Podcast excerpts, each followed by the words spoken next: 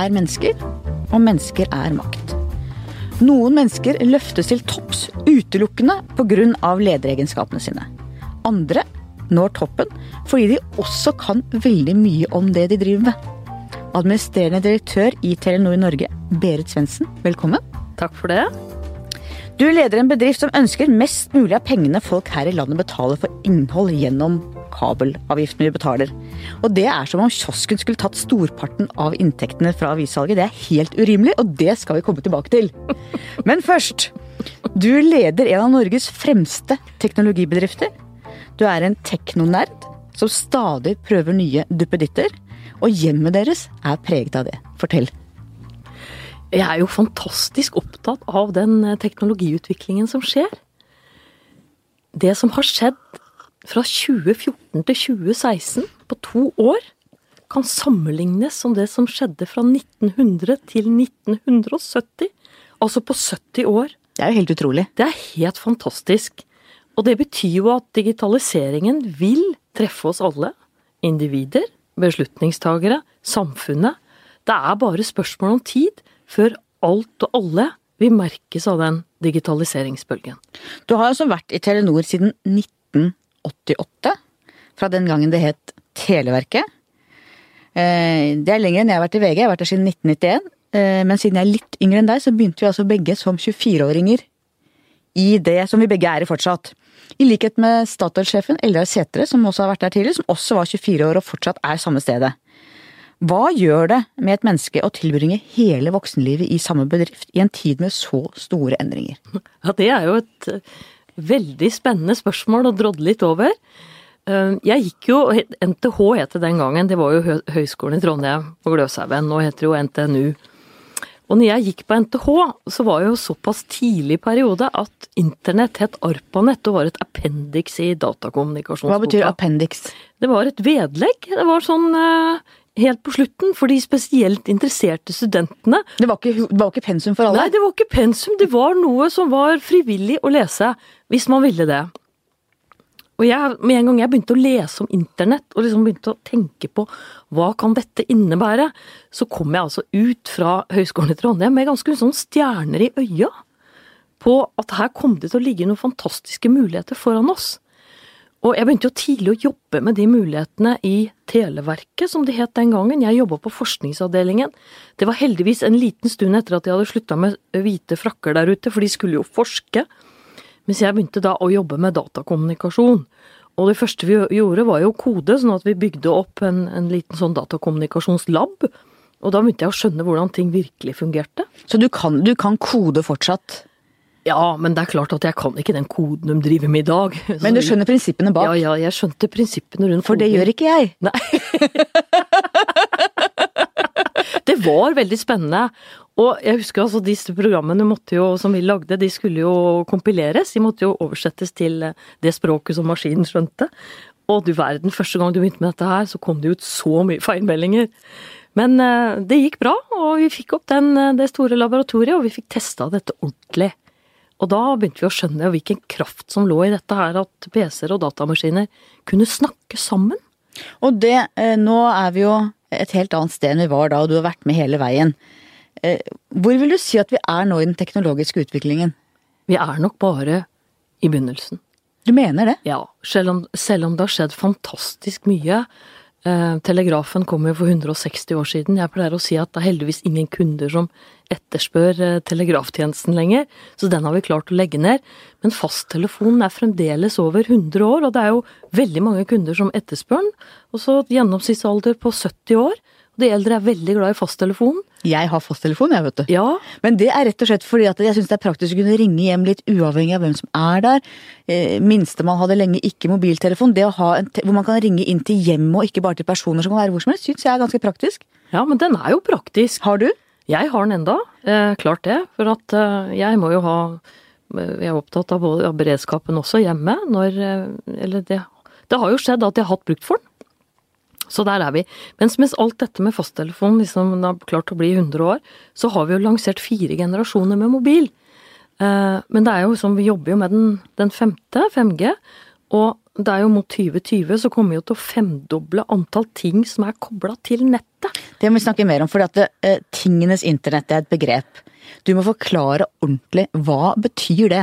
Ja, det er Vet du hva, det kommer til å skje så mye. Jeg tror bare vi aner konturene av hva som kommer til å skje. Bare for å ta et, et spennende eksempel. I dag så går 70% av vannforbruket på jorda, det går til landbruk.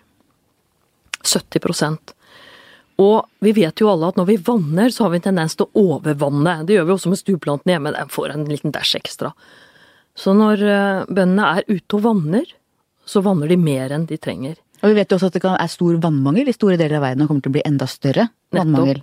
Det er helt, eh, så dette er helt fundamentalt.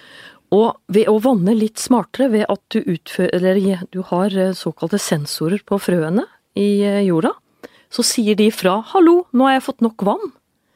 Og da kan du redusere vannforbruket innen landbruk med 50 Og Det er helt utrolig. Det er muligheter. Og det er den type muligheter som nå kommer til å dukke opp. Men vi snakker kjøleskap, vi snakker mye duppeditter i heimen i hverdagslivet. Ja, og det har vi egentlig snakka om ganske lenge. Men jeg tenker at det, det som kommer til å skje først, er at vi får på de, eller at det blir utstyrt med teknologi der vi trenger det mest. Eksempel innenfor eh, bedriftsmarkedet. Sånn som fiskeoppdrettsindustrien i Norge ligger jo veldig, veldig langt fremme.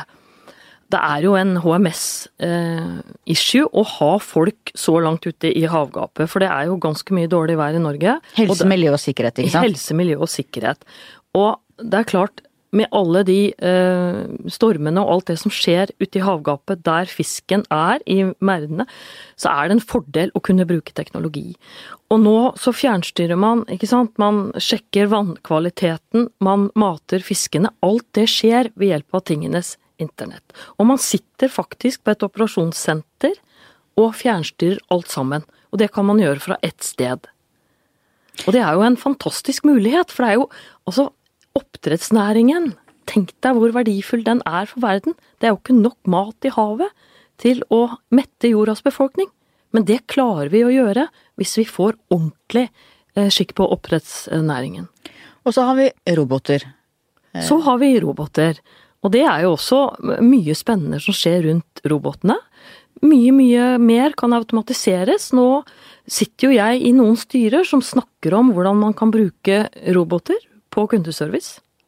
Og de blir jo smarte, ikke sant. Som jeg sier, man må se at denne teknologien blir en kobling mellom menneskets kreativitet og maskinens kapasitet. Kan de bli smartere enn oss? Nei, fordi de, noen må jo lære dem. Og nå er det jo også eh, innenfor eh, artificial intelligence, eller kunstig intelligens, som er den andre store trenden sammen med tingenes internett, at faktisk maskinene lærer seg selv. Og derfor kan de liksom snakke 40 språk, og de kan lære av hendelsen som skjer, så neste gang vet de hvordan, de skal håndtere hendelsene. De sier vel om Google blant annet, som lastet inn hele verdensbiblioteket, at det lærte søkemotorene Google å ordlegge seg ikke bare sånn teknisk faktuelt, men ta opp i seg språkdrakt, eh, skjønnhet, formulere seg utover bare det maskinelle. Ja, og de skjønner jo også um, om vi er sinte eller blide når vi ringer inn, og de klarer på en måte å tilpasse svaret tilbake. Men et konkret eksempel som jeg er litt opptatt av, og det er jo denne uh, supermaskinen til uh, IBM som heter Watson. Den er jo egentlig bare å uh, fylle med data. Og alle vi damer, vi må jo gå til mammografi bare for å ta et konkret eksempel. Eh, på en mammografiundersøkelse i dag så uh, tar det 14 dager før vi får svar. Og det er altså to leger som sitter og ser på bildene. Og dette kan altså Watson gjøre i løpet av minutter. Og istedenfor at vi skal vente 14 dager på et svar, så kan vi få svarene etter minutter og umiddelbart sette i gang behandling for de som har behov for det. Og det er jo her vi må begynne å bruke ressursene riktig. For vi trenger jo legene på veldig mye annet enn å sitte og granske røntgenbilder. For legene kan jo bli redd for at hvis en Watson kan fikse alt, så mister de jobben. Ja, men tenk deg alt vi trenger leger til, da. Altså, vi blir jo eldre og eldre. I 2040 så er det dobbelt så mange som er 80 år og eldre i Norge enn det er i dag. Og vi må jo bo hjemme. For vi ønsker jo å bo hjemme. Og det koster altfor mye å ha oss på institusjon. Så det vil bli mer enn nok å tenke på alle, alle som sliter med psykiske problemer. Det er veldig mye legene kan gjøre, og det med preventiv helse. Når alle disse dingsene vi har rundt oss også på en måte kan måle litt mer av hvordan vi, vi har det og, og føler oss i dag, så kan vi også få beskjed om kanskje å spise litt mer tomater. Og det er jo ikke dumt noen ganger å spise litt mer tomater. det er veldig bra. Men du har jo også de litt sånn, ikke bare litt, men veldig skumle perspektivene. altså Våpenindustrien, hvor man snakker om bomber som etter hvert selv kan bestemme når de skal bombe, at de er utenfor menneskelig kontroll. Mm. Da er vi litt ute å kjøre, tenker jeg. Og Det som er viktig, er jo at teknologien er jo tilgjengelig for alle. Og den er også tilgjengelig for de som ikke har alltid de beste hensiktene. Derfor må vi passe på at vi ligger foran. For det er en veldig sårbarhet i det du beskriver også. Det er en veldig sårbarhet. Både i forhold til at folk kan angripe oss, men også hvis disse tingene svikter. Hvis vi gjør oss helt avhengig av teknologi som plutselig ikke virker. Mm. Type hjertemedisin mm. eller den type ting. Hva da? Ja, det her må vi jobbe med å finne også gode løsninger som kan supplere sånn at vi blir mindre sårbare. Men det er viktig å tenke på at vi må hele tiden passe på å ligge i front og være egentlig enda flinkere enn de som ikke har gode hensikter med teknologien. Du snakket om at 5G kommer snart. 4G, eh, altså dette bredbåndet, som infrastruktur. Jeg har hørt folk si at det er egentlig viktigere for Distrikts-Norge, for næringslivet, enn å bygge nye veier. Er du enig i det? Ja, det er jeg helt enig i. Jeg skulle faktisk ønske at vi hadde enda større politiske visjoner rundt eh, bredden på bredbåndet enn bare på E6 og E18 i dette landet. For det er egentlig det det dreier seg om. Det er viktigere enn vei? Det er så viktig å klare å bygge ut hele Norge med fantastisk flott bredbånd, både fast og mobilt bredbånd. Og altså, digitaliseringen av offentlig sektor i Norge, den skjer gjennom kommunene. Vi ønsker fleste av oss ønsker å bo i smartere kommuner. Vi ønsker å ha en søppel, eller en søppelbøtte hjemme, en søppeldunk, som har en sensor, og hvor de som tømmer søpla, de sjekker om søpla er full eller ikke før de kommer. Og hvis den er full, så kanskje de kan komme litt oftere. Og hvis den ikke er full, man ikke har små barn og masse bleier og annet avfall i søpla, så trenger de jo ikke å tømme den. Og det er jo et miljøhensyn også. Så dette er tjenester vi ønsker oss fra kommunen. Eh, nå har vi hatt et fall i oljeprisen, som gjør at det er nedgangstider på Vestlandet i oljebransjen. Gir det også nye muligheter? Jeg ser jo at Norge har fantastiske muligheter til å bli en sånn fyrtårn innenfor digitalisering i verden. Fordi vi har en høyt utdanna befolkning, og vi har en befolkning som elsker å ta i bruk tek ny teknologi. Vi ligger helt i front på mobiltelefon per person, iPad. Og bruken av det. Og jeg ser også nå den delen av næringslivet som begynner å bli flinke. Altså det er så mye spennende apper som viser mulighetsbildet. Bare se på Oslo Taxi nå. Jeg har jo lenge irritert meg over at Uber på en måte har ligget lenger fremme på teknologisiden. Så kom Taxifix, eh, som liksom var et langt steg fremover. Men eh, så, nå har de også klart å introdusere en betalingsapp. For liksom ulempen med dette her opplevde jo jeg i februar, hvor jeg igjen, glemte å legge igjen penger til min datter som skulle på svømming, og jeg måtte ha en taxi til henne, for jeg var ikke hjemme. Det ble en dårlig greie. Da ble turen avbestilt av Oslo Taxi, for de kunne ikke gi meg kreditt, og de kjente meg ikke igjen. Um, så etter det så sa jeg til dem hvis dere ikke nå begynner med å få en betalingsapp inn i Taxifix, hvor vi kan sitte hjemme og betale før vi går på turen, så begynner jeg å bruke Uber. Så da laga du den appen? Nei, de gjorde ikke det bare av meg. Du vet ikke det? Men jeg tenkte at jeg kanskje var en kunde som hadde lyst til å si ifra litt, da. Eh, og da snakka jeg også med DNB, og DNB sier at de jobber med Oslo Taxi for å få dette på plass. Men det sier hvor viktig det er å, å få den type funksjonalitet ut til den norske befolkning, fordi vi faktisk ønsker oss det. Men hvor ligger Norge an i internasjonal sammenheng når det gjelder innovasjon av denne typen? Altså, Norge kan bli bedre, det er ikke tvil om. Næringslivet i Norge kan bli bedre. Digitalisering av offentlig sektor kan bli, eller kan komme eh, et langt stykke videre. Men jeg mener at vi har alle muligheter til å lykkes. For her om dagen så kom det en undersøkelse som viser at Norge er nummer tre i verden på å ta i bruk maskin-til-maskin-kommunikasjon. Og det er jo noe av det vi snakka om i stad, ved at frøene kan si fra 'nå har jeg fått nok vann'. Eh, fiskeindustrien, oppdrettsindustrien bruker dette både for å fjernmate fiskene og måle næringsinnholdet i vannet. Der ligger vi som tredjeplass i verden. Og Sverige ligger foran, så vi skulle nok si at det hadde vært morsomt å slå svenskene der også. Men det viser nå mulighetene. Men klarer vi å gå videre når vi finner opp nye ting? Klarer vi å kommersialisere det? Tenker Vi hadde Tink elbilen som jo forsvant helt. Du hadde Opera nettleseren som nå er i ferd med å bli solgt til kineserne. Klarer vi å beholde tingene her og bygge et norsk Nokia før Nokia gikk nedenom? Utfordringen med Norge er at vi har fantastisk mange flinke Petter Smarter. Altså, De føler jeg de er rundt oss på alle kanter. Og se nå hvordan vi har fått fokus på mange av de spennende unge eh, gründerne, innovatørene. Og de jobber jo veldig mye innenfor IKT. ikke sant? Det kommer apper for parkering, det kommer nabobil, det kommer kolonial.no. Veldig mye spennende nye konsepter som vil forenkle hverdagen vår. Utfordringen med Norge er at vi har ikke nok risikovillig kapital og klare å la disse bedriftene bli store og sterke ved at vi går inn og investerer i dem. Og det har jo noe med at nordmenn er veldig glad i å investere i eiendom. Altså Vi skulle gjerne sett en del av de pengene som i dag går til eiendomsinvestering, over i disse nye selskapene som så sårt trenger kapital. Og da snakker vi også boligskatt og ulik beskatning av ulike formuesgjenstander. Dette er et stort felt, da? Ja, det er kjempefelt. Er du for boligskatt? Du kan si at generelt så mener jeg at vi må få mer penger over til næringslivet, sånn at næringslivet kan bli mer innovative. Vi må få mer risikovillig kapital over til næringslivet, sånn at Norge kan liksom ta en skikkelig rolle innenfor dette feltet, og ikke bare ha Petter Smarten som vi har i dag, men klare å la disse bedriftene vokse seg store og sterke, og bli på en måte klare å sette spor, da. Tenker du at staten bør ta en mer aktiv rolle der, eller tenker altså, du privatkapital primært? Jeg, jeg tror vi må også frigjøre mye privatkapital.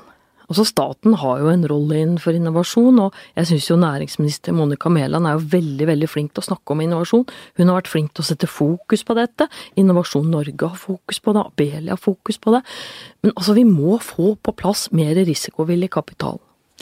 Eh, har det blitt flere teknologiselskaper i den forstand at stadig flere selskaper må bruke stadig mer ressurser på teknologi? Er vi nå egentlig alle i teknologibransjen på den ene eller den andre måten?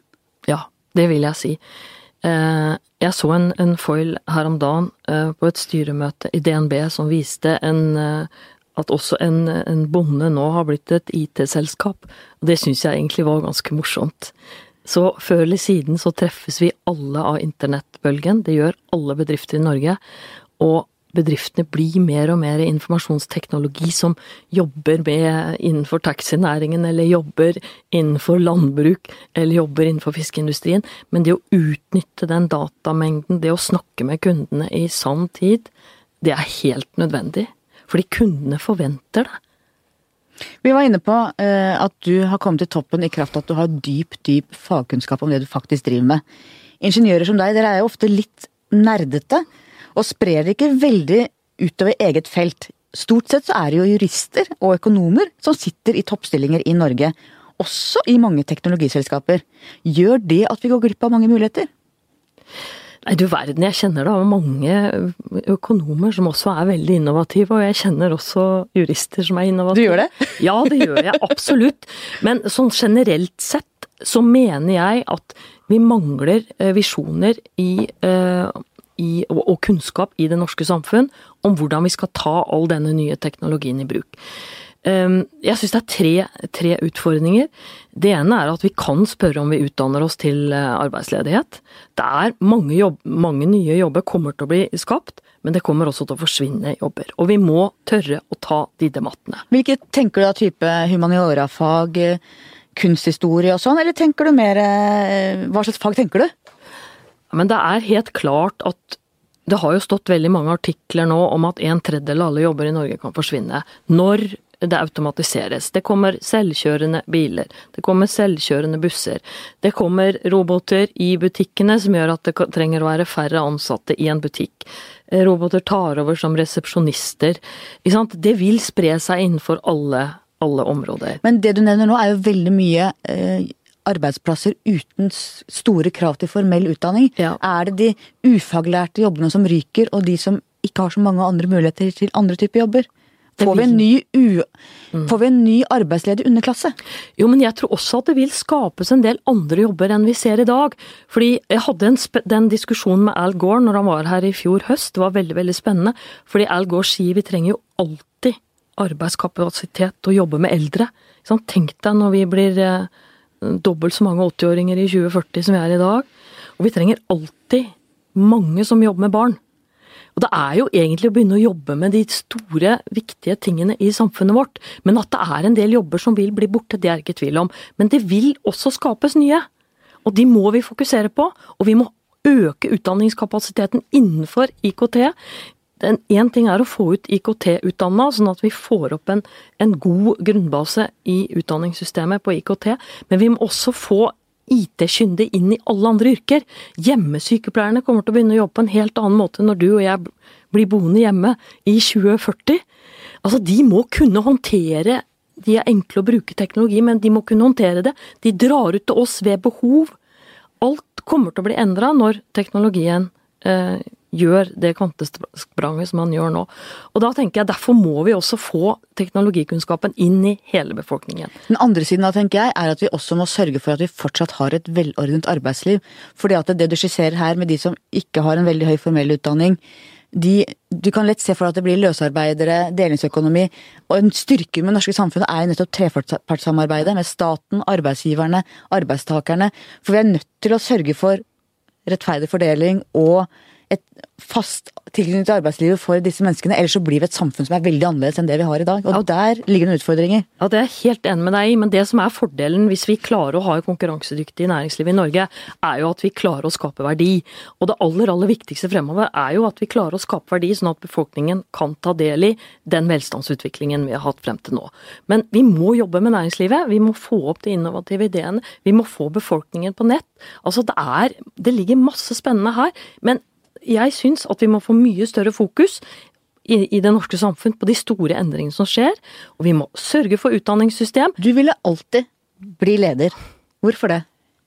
Jeg har alltid syntes det er veldig, veldig spennende å, å, kunne på en måte være med på å skape noe. Og jeg ser jo hvilke endringer som kommer, og jeg syns det er veldig spennende å ta med, motivere folk mo, eller, eller på hva som skal skje rundt de endringene, da.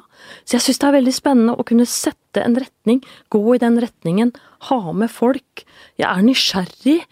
Eh, det kommer veldig mange endringer som også er positive, vi må aldri glemme det. Oppi alt det vi snakker om at jobber blir borte, så kommer det også til å skapes nye. Altså, det, det er det det har gjort hele tiden.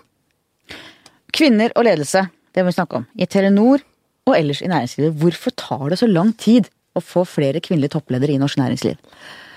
Ja, det er et eh, fantastisk godt spørsmål. Ehm, jeg mener jo at det ikke har vært jobbet nok systematisk gjennom mange, mange år. Eh, se på Telenor Norge. Der har vi eh, litt over 30% kvinnelige ledere. Og vi har opp mot 35% kvinnelige ansatte. Det betyr at vi egentlig også må øke antall damer som jobber i Telenor Norge generelt. Og for å få det til, dette er en IKT-bedrift, eh, så må vi ha mer eh, rekruttering innenfor IKT-fagene for å kunne øke rekrutteringen av damer. Og det er ikke nok interesse. Man har jobba med å få opp interessen siden jeg gikk på Høgskolen i Trondheim. Hvorfor er det ikke så mange jenter som er opptatt av matte og fysikk og kjemi? Nei, det, det spørsmålet stiller jeg meg også. Og mitt enkle råd nå til alle de som er der ute som lurer på hva de skal bli. Hvis dere vil være med å endre verden, så må dere velge teknologi. Og IKT er helt fundamentalt. 50% av verdiskaping i Norge den skyldes bruk av IKT innenfor bedriftsmarkedet. Så det er ikke bare at man skal bli god på IKT, men man må også forstå hvordan man skal bruke det. Og det er Internet of Things, det er kunstig intelligens, og det er store datamengder som kommer til å sette agendaen de neste ti årene. Må man som leder gi 100% hele tiden, eller må man av og til tenke at det er godt nok? Ja, Det er et fantastisk godt spørsmål, fordi jeg har jo en mor som hele tiden var sånn eh, alt måtte gjøres 100% Og jeg tror jeg var eh, at hun syntes det var veldig rart å ha en datter som alltid var på sånn 95. Eh, For jeg, som jeg sa til henne, hadde jeg måttet gjøre alt jeg gjør 100 så hadde det ikke gått. Og det snakka vi egentlig veldig, veldig mye om. Mens for henne så var det liksom Det var 100 Hva drev hun med? Hva, hva slags type var moren din? Eller er moren din? Ja, nei, hun var en sånn type som, eh, som eh, også var veldig dyktig. Veldig dyktig dame. Hun, eh, hun jobba som sekretær på sentralsykehuset i Østfold i mange, mange år. Og hun hadde alltid, eller hun har et sånt motto at det er ingenting som er umulig, Berit. Og det var egentlig et fantastisk motto. Og det har jeg vokst opp med henne, da, som hele tiden sa ja, men det er jo mulig. Det er mulig. Men du må gjøre det ordentlig. Og da begynte vi liksom å snakke litt om den 95% som jeg har, og hennes 100. Men jeg tror hun har avfunnet seg med at med så mange oppgaver som jeg har, så er det ikke mulig å gjøre alt helt perfekt. Og hun syns det har gått ålreit med deg i livet òg. Ja, det skal jo være moro òg, det vi driver med. Ja.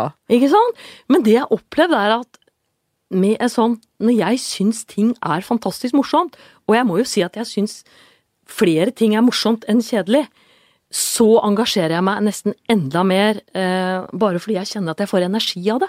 Og det er masse spennende som skjer nå, som, som gir mye positiv energi. Eh, kreves det andre ting av kvinner enn av menn? Har de mindre spillerom? Det er et retorisk spørsmål. Jeg mener at kvinner har det. Når du ser på f.eks. Hillary Clinton, debatten i USA hvor man snakker om at hun må bruke kroppen mindre, mindre kroppsspråk, le mindre høyt. At det rett og slett er en trangere jakke. Barack Obama sa jo om Hillary Clinton at hun må gjøre det samme som Ginger Rogers i sin tid, som dansa baklengs med høye hæler. Hun måtte gjøre det samme som Fred Astaire, men baklengs med høye hæler. Eh, hvordan tenker du rundt kvinners rolle jeg helt Enig. Altså, jeg har hørt mange ganger at jeg er for rosa. Jeg syns det egentlig er festlig uttrykk. så tenker jeg at det kan jeg egentlig ta litt positivt, for det betyr jo at man legger merke til Man legger jo ikke merke til en, en eh, dame som går i, i sort dressjakke og mørke bukser. Eh, så jeg er Jeg syns det er fantastisk spennende å kle meg i farve, f.eks. Men jeg vet jo at det er mange som syns at det blir for mye. Ja, for du er jo en ganske utypisk kvinneleder. Og du gjør ganske mye ut av det. Lyd og latter. Du er ganske uformell, ujålete. Sminker deg ikke veldig mye. Og bryter på mange måter med det bildet vi har av kvinner i næringslivet. Hva tenker du om din egen rolle? Din jeg, egen væremåte? Jeg tror det aller, aller viktigste uh, man må gjøre, er å være seg selv. Og jeg, å være meg selv, betyr at jeg kan gå i farver og kle meg litt utradisjonelt. Hvis jeg skulle vært satt inn i sånn svart dressjakke og svarte bukser, så tror jeg nesten jeg hadde dåna. Altså, det er ikke meg. Og det andre vi kvinner må tørre, altså ikke nok med at vi må, vi må, hvis vi har lyst til det, kle oss i farver, og ikke for små jakker, som du sier. Det vil bli veldig, veldig trangt. Og så må vi tørre å være litt øh, stygge noen ganger. Ja. Sånn som Kristin Halvorsen sa, altså hvis vi ikke tåler å være stygge, så kan vi egentlig ikke være ute i det offentlige rom. For det er blitt tatt så mye bilder mm. som jeg etterpå liksom Å, herre min duss, altså. Og jeg har jo prøvd å få fjerna noen av dem også. Eh, ja, du har det. Ja, du er litt forfengelig, altså. Jeg har ikke bare sendt meg, det er mange andre som har prøvd. Det er bare å glemme. Bare la de bildene bare skli over. Men jeg må også innrømme det er menn som har ringt meg og sagt at jeg er ganske fortvila over noen av de bildene. Så dette er jo ikke bare uh, damer. Og så må vi også tørre noen ganger å være litt rampete, tenker jeg. Altså, vi må tørre å le, og vi må tørre å være oss selv. Altså, det er i hvert fall min filosofi.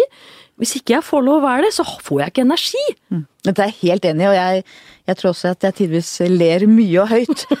Eh, og det er jo litt deilig å kunne Jeg har jo en rolle som er helt fri, og det har jo du på et vis, så vi kan jo bare være oss sjøl. Og det tror jeg er viktig for de unge damene som kommer og ser at det er lov å være litt rå i kjeften og litt uh, Litt rampete. Litt Noen ganger er det lov å være rampete hvis det passer inn i en situasjon. Men din type, da, tror du det gjør deg mindre farlig eller gjør det deg litt mer uforutsigbar for hva skal jeg si, gutta boys? Jeg tror jeg har hørt begge deler. Hvilken versjon liker du best, da? Litt mer uforutsigbar syns jeg egentlig er litt Den er litt interessant. Den er litt interessant, ja. Bilder, da. Hva tenker du om norsk presse? Nei, jeg syns jo norsk presse skal bli mye mer opptatt av de endringene som skjer i samfunnet. pga. på grunn av teknologien. Jeg syns jo dere skal være der. Jeg syns vi må få mye, mye større fokus, eh, både blant politikere, blant eh, pressefolk. Altså, det kommer til å endre samfunnet fundamentalt. Hva var ditt første møte med en nettavis? Ja, Da tenkte jeg at det bare var en papiravis som gjaldt. Og hvilken avis var den første du møtte på nett? Altså, det måtte jo helt sikkert være ja, Det kan være Nettavisen, da. De var Nei, for jeg har hørt at du har sagt på NRK at det var VG. Det er derfor jeg spør. Ja, ja, nei, det var det det var! Vet du, nå glemte jeg den fantastisk fine historien. Da, nå glemte jeg Jo, men da, ja, da var jeg jo Det var jo ikke om meg, men det var VG. Uh, Jeg satt på MIT i 1995 og skulle ta en masterutdanning i teknologiledelse. Og da fikk vi se internett ordentlig for første gang. Jeg hadde jo sett det veldig mye på forskningsavdelingen i, i Televerket. Eh, men da med veldig sånn uten grafikk og uten bilde, ikke sant. Det var rett og slett bare tekst. Ganske kjedelig, spør du meg. Men det var jo noe som tok av på det òg. Jeg var ikke helt der. Men når jeg kom på MIT og fikk se VG med bilder og alt mulig, da ringte jeg hjem til min mor. Og så sa jeg nå leser jeg VG på nett, hvorav hun sa hvordan har den avisen kommet inn der? Og det syns jeg var fantastisk godt spurt. Ja, ja, ja. ja. Så er også liksom sånn Dette var første gang hun noen gang hadde hørt om. Men nå er vi under press. Ja, nå er vi under press. Hvordan kan vi redde journalistikken, den frie og uavhengige journalistikken som står på egne bein økonomisk? Vet du hva, nå stiller du liksom tusenkronerspørsmålet. Jeg vet det. Altså de debattene rundt Facebook Mm. som måtte på en måte slippe gjennom det bildet eh, fra Vietnam av den lille jenta som noen absolutt ville sensurere. Og avisene som har tatt vekk kommentarfeltene sine, og da flyttes jo på en måte alt det over til eh, andre arenaer. Jeg syns det er fantastisk godt spørsmål, men jeg har egentlig ikke noe godt svar foreløpig. Jeg bare mener at dere må ligge i front. Dere må ta i bruk teknologien egentlig like fort som alle andre. Og dere må skape eh, interessante medium hvor leserne eh, liker å være. Og da til mitt kritiske åpningsspørsmål til deg, hvor dere jo som eh, kabelleverandør skal ha så mye av innholdsinntektene. Vi sitter jo i en skvis hvor Ja, det er som jeg sa, det er som om avisbudet eller kiosken skulle ta alle inntektene fra avissalget. Ja, Hva er litt- ditt svar på dette? Jo, det er litt forskjell på den kiosken og oss, da. For vi investerer 4,4 eller 4,3 milliarder kroner i nettet hvert eneste år for at nordmenn skal få fantastiske opplevelser på nett. Men det er jo et dilemma at, at så lite av cutten for innhold, enten det er TV som går via kabel og nett osv., eller det er aviser som da forsvinner gratis ut, at vi som lager innhold sliter sånn med å få finansiert det innholdet. For uten det innholdet så er det ingenting. Ja, vi er jo helt enige om det. Men jeg tenker at utfordringen den skjedde egentlig ganske tidlig. Ved at man la aviser gratis ut på nettet. Og da ble det jo en oppfatning om at dette var gratis. Så det er litt å gå tilbake. Hvorfor gjorde man egentlig det? Den gangen? Det det var helt nytt. Det var helt nytt, og det var liksom ingen erfaring med hva man skulle gjøre. Jeg husker første gang vi møtte litt sånn betalingsmekanismer på nettet. Det var noen aviser som la ut eh, eh, at man måtte betale. Economist var jo ganske tidlig ute med det, og da tenkte jeg du verden. Det er jo egentlig det som er det riktige å gjøre. Men da hadde det gått så langt. Og nå tror jeg jo eh, Du har rett i at det er mange som kritiserer og sier hvorfor gjorde vi det. Jeg tror ikke man hadde noe valg, jeg tror det var noe som bare måtte skje. Men nå ser vi en utvikling hvor man i stadig større grad er villig til å betale. Så vi må jo bare håpe at vi klarer å få nok betalingsvillighet der. Men det er klart det er jo også en konflikt mellom de som lager og de som leverer. Ja, det er jo klart det er det, men det har det alltid vært. Og det kommer det til å fortsette å være. Men vi må finne gode modeller for å håndtere denne situasjonen. Og så har vi da som vi snakka om gigantenes makt, Facebook og Google, som da tar alle annonsekronene, og som på toppen av det hele ikke betaler skatt. Og nå fikk jo Apple en skattesmell fra EU på mange, mange mange millioner, hundrevis av millioner dollar. 1,3 milliarder, var det vel. Eh, Det er jo bra, men for poenget her er jo at økonomien og teknologien blir mer og mer global, mens politikken er nasjonal eller i beste fall regional. Hvordan skal vi klare å møte dette? Det er veldig, veldig, det er også veldig gode spørsmål, og du stiller jo liksom tusenkronerspørsmål og det som skal løse verdens eh, noen av de største utfordringene vi har. Eh, Vi ser jo at Facebook og Google har helt andre liksom, regler og krav for personvern enn vi som opererer nasjonalt. ikke sant? De kan gjøre mye, mye mer. Og personvernlovgivningen i USA er jo helt annerledes enn her hjemme. Så ser vi at disse selskapene ikke skatter på samme måte, for de har ikke eh, den tilknytningen til Norge. De har tilknytning til f.eks. Irland isteden, mange av de store IT-selskapene. Og da skatter de ikke. Da er de underlagt helt andre regimer. Og det viser bare én ting, at dette er ikke noe norgesmesterskap eller europamesterskap lenger. Det er et verdensmesterskap, det er OL. Man burde jo få til at der hvor du tjener pengene, betaler du skatt for pengene. Eh, Det burde man absolutt få til. Eh, Og det må man bare jobbe med som skattemyndigheter over hele Europa. At man får like regler. Og så må det jo også være sånn at personvernlovgivningen eh, etter hvert blir likere. Og da er jo Europa har jo en mye strengere lovgivning, men det må jo være sånn når du opererer i Europa, så må du operere under samme regime. Så det, det er jo dette som er vanskelig, og de store gigantene de blir bare større og større. Og det, det er jo derfor tech-sektoren, teknologisektoren, har tatt over den største sektoren i verden. Fordi de har klart å få frem bedrifter som Facebook og Apple og Google, mm. som driver hele utviklingen. Og det blir en winner takes all. Det blir det, det, er jo på en måte noe sånt det ser ut som det kan gå mot hvis vi ikke klarer å mobilisere da. Men jeg mener at vi kan mobilisere i Norge. Vi har alle muligheter til å gjøre det. Vi har mulighet til å bli digital fyrtårn. Men vi må forberede samfunnet på det. Vi må øke utdanningskapasiteten. Vi må ha politikere som er mye mer opptatt av disse store endringene som skjer. Vi må ha presse som skriver om det. Og vi i Telenor, vi ønsker i hvert fall å være digitalt fyrtårn. og da må vi jobbe hardt. Og du har alltid jobba hardt. Du drev med svømming, da sto du opp seks hver morgen og sykla av gårde for å drive trening. Og du ble visst aldri spesielt god, men du bare sto på og sto på, er det riktig? Jeg bare trente. men så begynte jeg å ro, og det gikk mye, mye bedre. Ja, Da var du norgesmester? Ja, ja, da gikk det bra. Var det, det for at det var lagspill, eller du var jo sammen da? Ja, det var veldig. Det var toer og vi rodde dobbeltsculler og firer, og det var veldig morsomt. Det syns jeg var gøy. Så jobba hardt siden, og du har hatt en mentor. Hvordan jobba du med den mentoren? Harald Norvik var jo her for en stund siden. Ja. Fortalte at han hadde en mentor, en coach, som lærte han å bruke stemmen, rett og slett. Ja. Nei, jeg tror jeg, det han lærte meg, han jeg hadde ganske tidlig, at jeg hadde noen å diskutere noen av de vanskelige dilemmaene med. For jeg ble jo leder når jeg eh, var eh, eh, noen og 30 år, og det er klart, da er det en del dilemmaer som du trenger å diskutere med noen. For det er en helt ny rolle, det å gå opp og ta lederskap, og det er jo, at du jobber med mennesker hele tiden. Så, så, det er egentlig det jeg brukte han mye til, men han hjalp meg veldig, veldig mye de første 10-15 årene av mitt lederskap. Eh, og du forteller at du av og til har mareritt og våkner opp med en følelse at du skal opp til eksamen du ikke har lest. Hvordan leser du det? Du, det syns jeg er interessant, for jeg gikk jo gjennom høyskolen i Trondheim og hadde 36 eksamener. Eh, og jeg får noen ganger den der følelsen at nå kommer det en ny en. Og så er jeg ikke godt nok forberedt. Altså, jeg liker tilbake til hardt arbeid. Jeg liker å være forberedt på det jeg gjør. Altså, altså, uansett hva jeg skal gjøre, så jobber jeg med det på forhånd. Og det tror jeg er også en, en styrke du har, for da er du forberedt på å møte liksom forskjellige ting. Og det å Hvis jeg ikke skulle hengt med og så lest meg opp på alt det som skjer nå, så utdateres jo jeg også. Jeg er jo ikke relevant lenger. Hvis ikke du henger med. Men var du forberedt da du skulle ha kalt inn en mann på jobbintervju, og så viste det at det var han som uh, du skulle bli gifte deg med?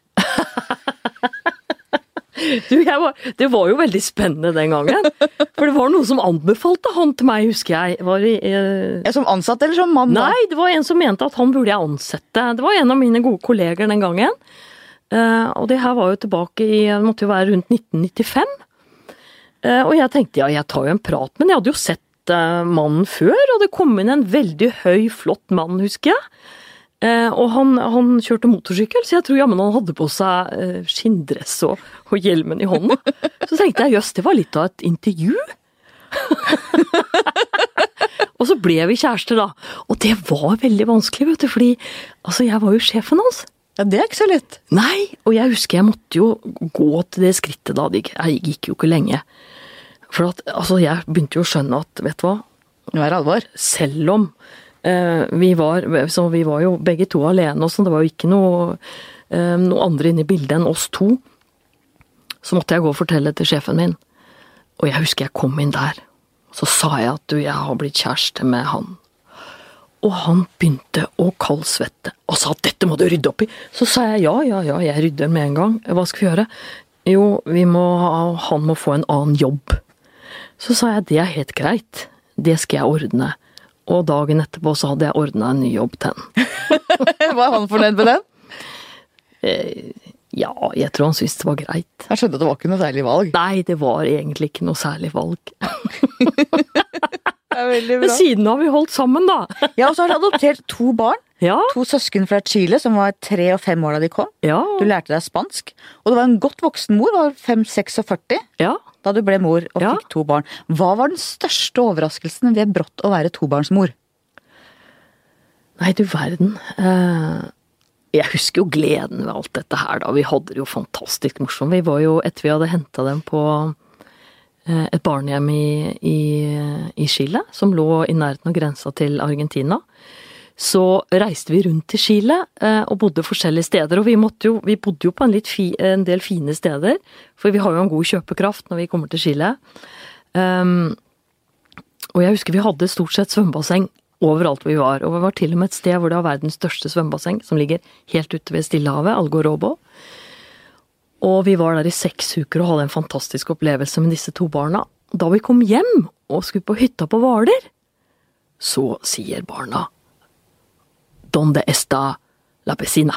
Hvor er svømmebassenget? Og da tenkte jeg nei, du verden! Det er vel godt vant. Hva har de nå lært seg i løpet av seks uker? Nå har de glemt at de har vært på barnehjem i tre og eh, fem år. Og så spør de om svømmebassenget når vi er på hytta på Hvaler. Da sa jeg til mannen min nå må vi få dem rett ned på jorda igjen. og dit kom de? Og de kom på jorda. Og ja. det, det går veldig, veldig bra. Og du har jo en familielogistikk som vi jo alle har.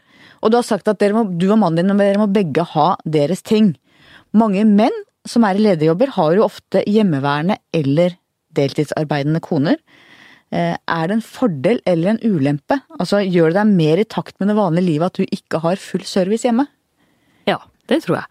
Altså, Mannen min er jo en, en superhelt. Han tar jo eh, veldig stor del av ansvaret hjemme. Spesielt ansvaret med barna og følge opp med lekser og følge opp med skolen. Og øh, hvis jeg er borte, så ordner han mat. Det er aldri, aldri noe utfordring med det. Så jeg vil si han stiller opp, men det er også sånn at han har også sine ting som han er veldig glad i å gjøre. Han er veldig glad i å gå på jakt, f.eks. I tillegg til det så har han jobb, og han er deleier i et selskap på, på Elverum. Så vi må jo også passe på at jeg passer på at også han får gjort sine ting. Så jeg kan jo aldri klage på at han er borte eller ikke gjør noe. Det har jeg slutta med. Men det betyr at det blir et mer likeverdig foreldreskap enn det er i en del familier hvor det er mennene som er topplederne? Ja ja, det er helt likt. Mm. Du har sagt om foreldrene dine at du er takknemlig for at de klarte å vri staheten din til noe positivt. Du har allerede snakket litt om moren din, fortell litt om faren din. Ja, faren min også, han, han var jo veldig opptatt av eh, at vi på en måte vi skulle, Hvis vi hadde fått gode evner, så skulle vi prøve å utnytte de evnene. Men jeg var jo litt sånn for grem av det unge. Jeg husker jo at eh, det hang Altså, man hadde Da var jeg sikkert tre år. Så hadde man vasket eh, en underbukse, som jeg var veldig glad i å ha på meg. Og jeg gikk ikke ut, for jeg skulle ha på meg den som hang på snora. Vi vet litt om sta treåringer. Det var helt umulig. Helt umulig, spør du meg. Jeg vet ikke hvordan de gjorde det, men de fikk snudd denne staheten eh, til noe som jeg kunne utnytte positivt. Så i dag er det kraft og energi? Ja, mot en retning som jeg syns var veldig, veldig spennende. Og jeg husker jo, jeg satt uh, sammen med min pappa, og så uh, sa jeg til han at uh, jeg tror jeg skal bli flyvertinne. Og da sa min pappa nei, jeg tror ikke det, jeg tror kanskje at ingeniør er bedre for deg. Og du tenkte kanskje på at jeg skulle gå på høyskolen, sa jeg, i Trondheim. Ja, det var akkurat det jeg mente, og så ble det høgskolen, da. Og da var han happy? Ja, da ble han veldig happy. Vi nærmer oss slutten. Men jeg blir happy, jeg òg. Ja, det ser jeg jo. Du elsker jo jobben din. Ja, ja, så det, det, her var jo veldig riktig. Han kjente dattera si, da. Ja, han gjorde det. Du har, har, du vært på pilegrimsreise til Santiago de Compostela ennå? Nei, men dit skal jeg, da. Du drømmer om det, men ikke av religiøse grunner? Nei, jeg skal gå turen. Eh, og så skal vi kose oss med god mat og drikke, og jeg skal ha med eh, noen gode venninner. Jeg har nevnt det for noen, og det har meldt seg noen, men vi må finne det riktige tidspunktet til å gjøre det. Eh, og det tenkte jeg blir en ordentlig sånn fin tur til Spania. Men hva tenker du om kristendommens plass i det norske samfunnet? Ja, det er det er et vanskelig spørsmål, altså. Jeg syns det. Jeg syns kirken gjør mye riktig ved å på en måte frigjøre seg mer fra staten, og, og, det har jo vært lenge sånn at vi kan velge. Og det som er så bra i Norge, er at vi nordmenn vi har valgfrihet å velge hvilken religion vi vil. Så jeg, jeg syns vi gjør veldig, veldig, veldig mye riktig her i landet. Har du noe forhold til kirka for egen del? Jeg gifta meg i kirken, og barna er døpt i kirken. Og hvis de vil konfirmeres i kirken, så skal de jo selvfølgelig vil vi ha full oppbacking på det. Men jeg tenker at det er opp til dem. Mm. Og har du en gudstro? Jeg hadde en gudstro, og jeg har, jeg har i hvert fall en tro på at det er noe som er større enn oss. Eh, men, men om det er akkurat sånn som vi beskriver den, eh, det er jeg ikke sikker på. Men jeg tror det er et eller annet der ute. Og du har jo sagt at du av og til vet hva som kommer til å skje. Du kjenner det på det. Hva handler det om? Nei, det er vel mer litt sånn intuisjon og mavefølelse og Ja, jeg ser en del Noen ganger så ser jeg litt sånn eh, Ja. Men det er også veldig bra, for da kan man forberede seg. Men hvordan forklarer du det? Nei, det syns jeg er vanskelig. Bra. Til slutt, mitt faste spørsmål. Hva skal historien være om deg? Berit Svendsen, det var hun som Det var hun som lo veldig mye, og fikk alle nordmenn på nett. Dette er veldig bra. Tusen takk for at du kom. Takk til deg som hørte på. Vi blir glad hvis du sprer oss i sosiale medier. Takk til vår faste produsent Magne Antonsen. Vi høres igjen neste uke.